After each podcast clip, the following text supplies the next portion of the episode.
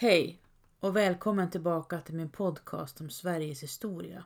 Vi har kommit fram till scen 9. Om drottning Blanche, den heliga Birgitta och allt kan egentligen sammanfattas med de här orden. Tänk så många hjärtan som brustit. Det formar ett berg som räcker ända upp till månen.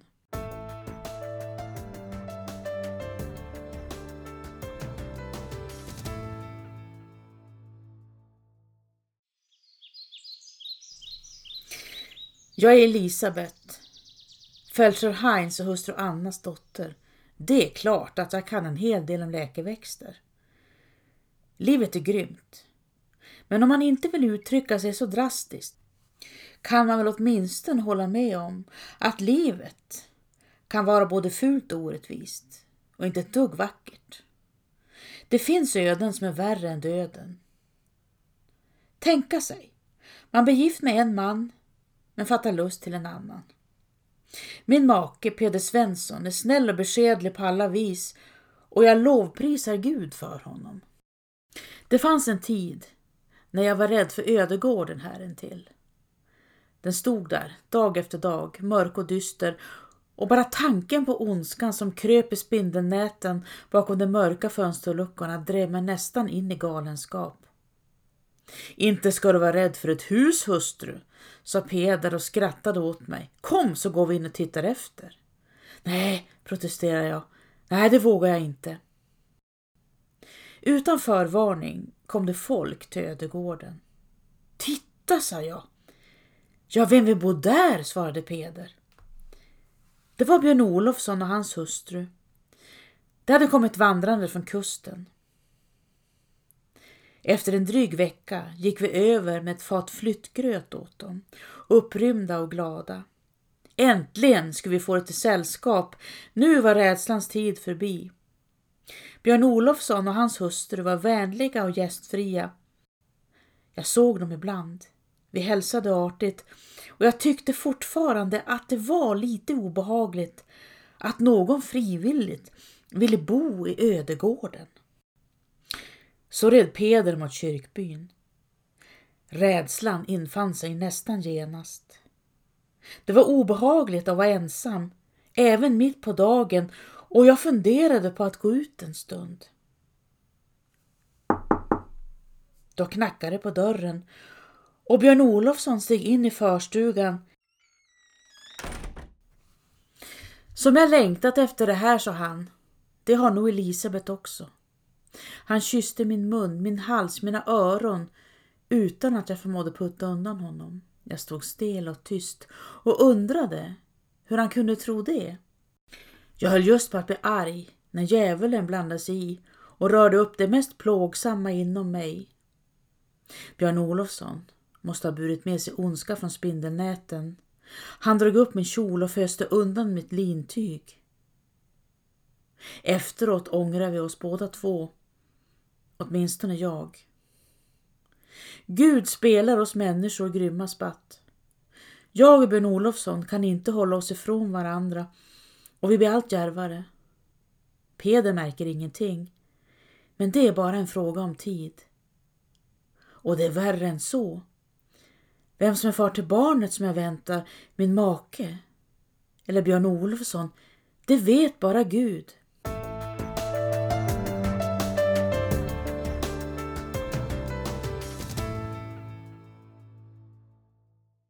Birgitta Birgersdotter kommer från Uppland och är dotter till en stor man.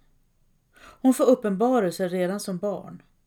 Jungfru Maria placerar en krona på hennes huvud och hon ser Jesus dö. Birgitta vet tidigt att hon vill gå i kloster. Men hennes far säger nej. Och vid 13 vigs hon vid 18-årige stormannen Ulf Gudmarsson från Närke. De två verkar ändå hitta varann på riktigt och de gör flera pilgrimsresor tillsammans till Trondheim, till Santiago de Compostela och till Jerusalem. Birgitta uppfattar sig själv som Guds redskap och de som sett henne under en uppenbarelse vet att hon hör röster och ser syner samtidigt som hon befinner sig i trans. Ulv dör 1344 och Birgitta tar av sig vigselringen. Från och med nu är hon Guds tjänare av hela sitt väsen. Birgittas höga börd för henne direkt in i det politiska toppskiktet och kung Magnus Eriksson fäster stor tilltro till hennes uppenbarelser. Magnus Eriksson, hertig Erik och Ingeborg Håkansdotters späde son har överlevt och blivit vuxen. Men nog var det rörigt omkring honom redan från början. Vid tre valdes han till kung över Sverige och Norge. Hans mor, Ingeborg, skulle leda förmyndarregeringen men det dröjde inte länge förrän hon sköts åt sidan och förmyndarregeringen sprack itu. En falang ansträngde sig för att upprätta goda förbindelser med Danmark medan Ingeborg och hennes anhängare planerade att gå i krig mot Danmark för att återta Skåne.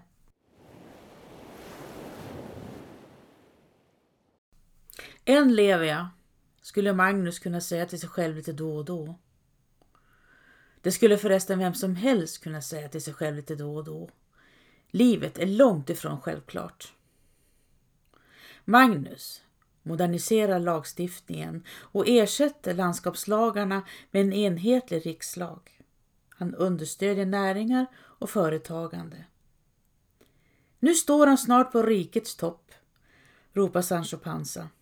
Shh, inte så högt. Du tänker på hjulet, Sancho. Ja, just det. Magnus reser till det franska grevskapet Namur och friar till greve Jeans syster Blanche.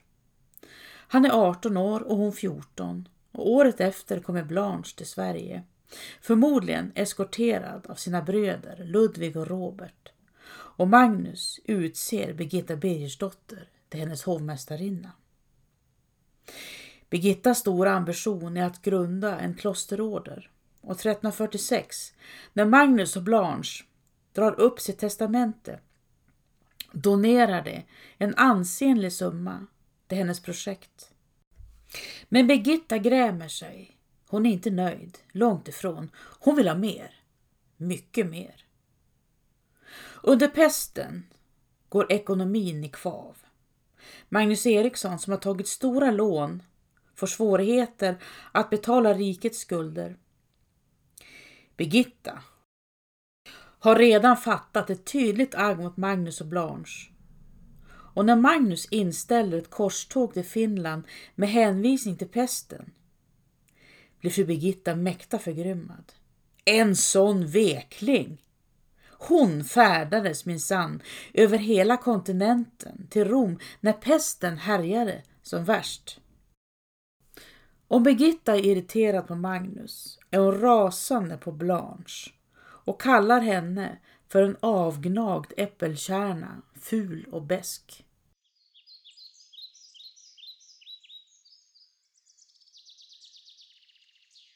Nu ramlar öronen av Don Q. Det enda jag hört om Birgitta är vilken from och god människa hon är. Nej, Sancho. Dina öron sitter där de ska. Det kan jag gå god för. Och Birgitta kan bli riktigt hänsynslös när hon inte får som hon vill. När kung Magnus och drottning Blanche övergår i ett vitt äktenskap efter omkring 6-7 barn, två levande gossar och några tidigt döda döttrar uttrycker Birgitta sitt stora missnöje genom att mumla om att Magnus gör sig skyldig till det värsta av allt. Det värsta av allt, viskar Sancho Panza och själv till. Vad är det? Varför viskar du? frågade Don Quixote. Jag vet inte. Birgitta antyder att Magnus har umgänge med andra män, sånt där styggt. Han är en kunsmek och en mes som inte kräver sin äktenskapliga rätt. Vad har Birgitta med det att göra? Tycker vi ja, nu. Det märkliga är att Birgitta och hennes make Ulv gjorde samma sak. Efter åtta barn skiftade deras äktenskap färg till vitt. Många gjorde så. Det var ingenting märkligt utan ett sätt att skona sin hälsa. Men dra mig baklänges. Nej, Sancho. Du får gå själv. Jesus talade till Birgitta och viskade att drottning Blanche är en huggorm men skökas tunga, drakars skalla och det bittraste gift i köttet.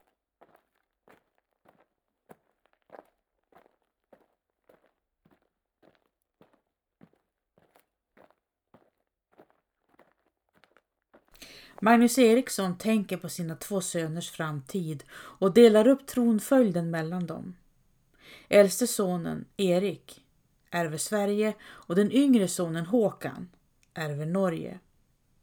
Vid 15 blir Håkan myndig och ungefär samtidigt utser Magnus Eriksson rådmannen Bengt Algotsson till hertig över Finland, Halland och Skåne. I praktiken ger han sin äldste son Erik en spark åt sidan. Mikael Nordberg skriver i sin bok Kung Magnus tid att Magnus Eriksson kan ha varit besviken på sin äldste son som uppvisade enfald och dåligt omdöme. Fru Birgitta skräder inte orden. Det är synd och skam när kungen sätter en träl i sitt ställe, dundrar hon. Bengt Algotsson blir hennes nya hatobjekt, även om den verkliga skurken alltid förblir Blanche i Birgittas ögon. Det är Blanche som har tvingat Magnus att utse Bengt Algotsson och förresten har både Magnus och Blanche en förbjuden förbindelse med Bengt Algotsson. En sån där stygg. Birgitta tog då verkligen i. Vad hade hon med det att göra? Tycker vi ja. Nu. Äldste sonen Erik gör väpnat uppror mot sin far och det väger lite fram och tillbaka under några år tills Erik dör mycket hastigt i juni 1359. Han är 20 år och hans gravida hustru Beatrice dör också på juldagen samma år.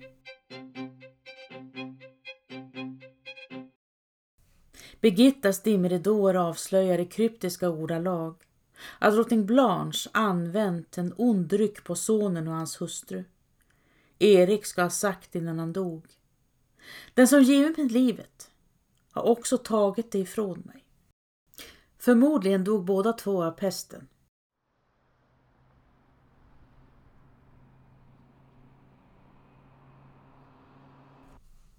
SMHI har utfärdat en klass 3-varning för storm när Don Quixote och Sancho Panza svänger ut på E6 och kör söderut mot Varberg. Hagel smattrar mot bilplåten och stormen rister. Men ingen av dem tar initiativet att vända åter utan de sitter sida vid sida och beklagar sig var för sig. Blåsten sliter tag i deras kläder när de kliver ur bilen. Tjoho! skriker Sancho Panza. Hitta klosterruinen istället för att vråla, svarar Don Quixote. Sancho Panza rusar över vägen och ringer på i första bästa hus. En man öppnar och stirrar storögt in i stormen. Vad sa du? skriker han och kisar tillbaka. Klostret! Letar du efter klostret? I det här vädret?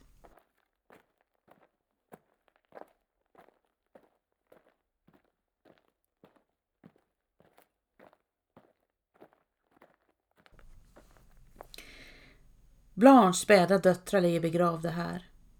Legenden påstår att de fortfarande letar efter dem. Vad jag vet kände ingen till deras namn, säger Sancho Panza. Marie, skriver Ebba Sparre i sin roman Drottning Blanka, och det är nog en bra gissning. Blanches mor hette Marie, så någon av flickorna, eller kanske allihopa, här under golvet, borde ha fått namnet Marie. Eller Ingeborg efter farmor, eller kanske Eufemia. Vet du vad, Don Q? säger Sancho Panza och skrattar. Vi är inte kloka. Ja, men det är väl inget nytt. Birgitta beger sig till Rom och lämnar in sin ansökan om klosterorden. Och 1370 får hon tillbaka den, reviderad, men godkänd. Än så länge lever jag, kan Magnus Eriksson konstatera.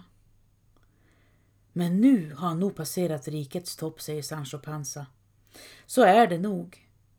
Magnus är besegrad och tillfångatagen och hans systers son har övertagit den svenska kronan. Sonen Erik är död, hustrun Blanche är död.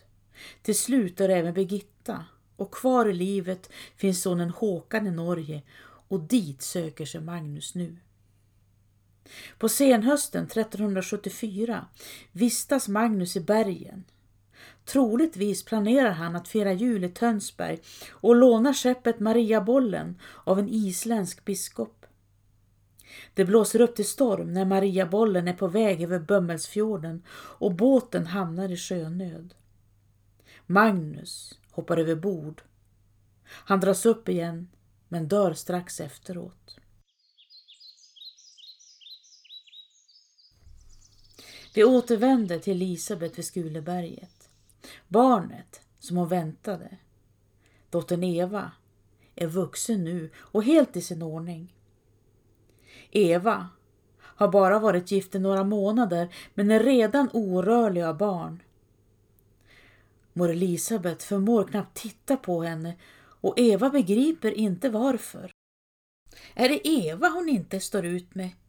Eller är det det gamla vanliga, ödegården? Att Eva bor där numer? Hon och mor kan se varandra från husen. De kan vinka dagligen, nästan ropa till varandra, men mor lyfter inte blicken åt det hållet. Evas make, Olof Björnsson, fanns hela tiden i huset intill. Gud nåde vad som gömmer sig där inne, frustade mor så fort ödegården kom på tal. Din mor håller inte av spöken, fyller för Peder i och skrattar lite spretigt. Mor, Elisabet, har fått för sig både det ena och det andra. Om grannarna, trots att Björn Olofsson och hans hustru är hederliga och vänliga människor. Just därför väntade Eva i det längsta med att berätta för mor att hon ville gifta sig med grannarnas son Olof och att hon dessutom blev på det viset. Inte förrän far Peder givit sitt samtycke. Men det var som att rista med en nål djupt under mors hud och mor skrek av smärta. Du narras dotter!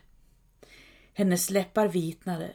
Nu dör mor, tänkte Eva. Men gör någonting då! vrålade mor åt far och drämde till honom i sidan. Vad tar det åt dig? Det är för sent hustru, svarade far Peder med sin sävliga röst. Mor skrek igen. Det kan inte komma på fråga. Du har ingen aning dotter, du vet ingenting.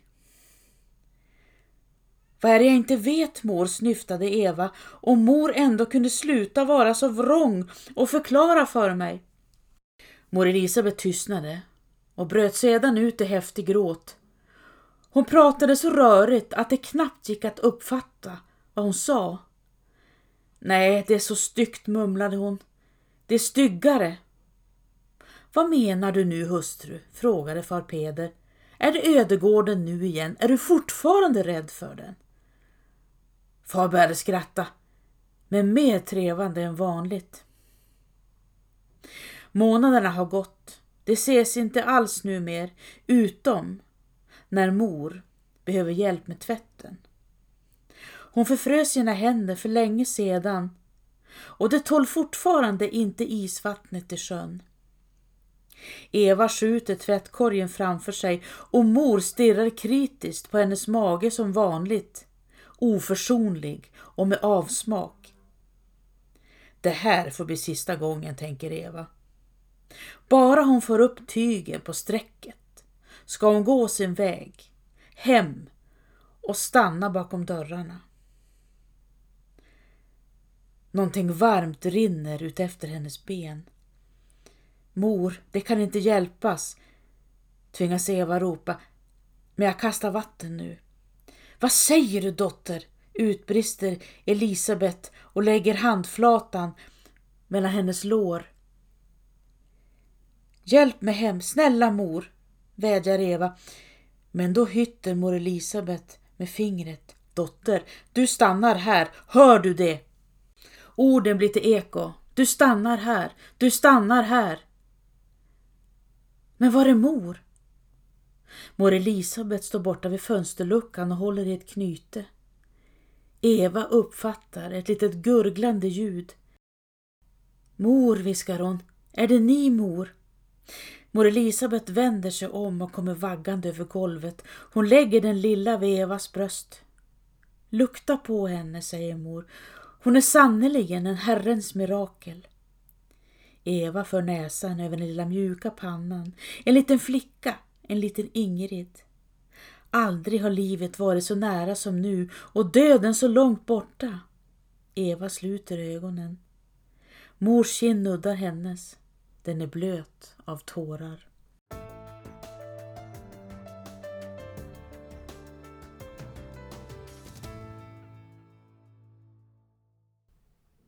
Det var allt för idag. Tack för att ni lyssnat.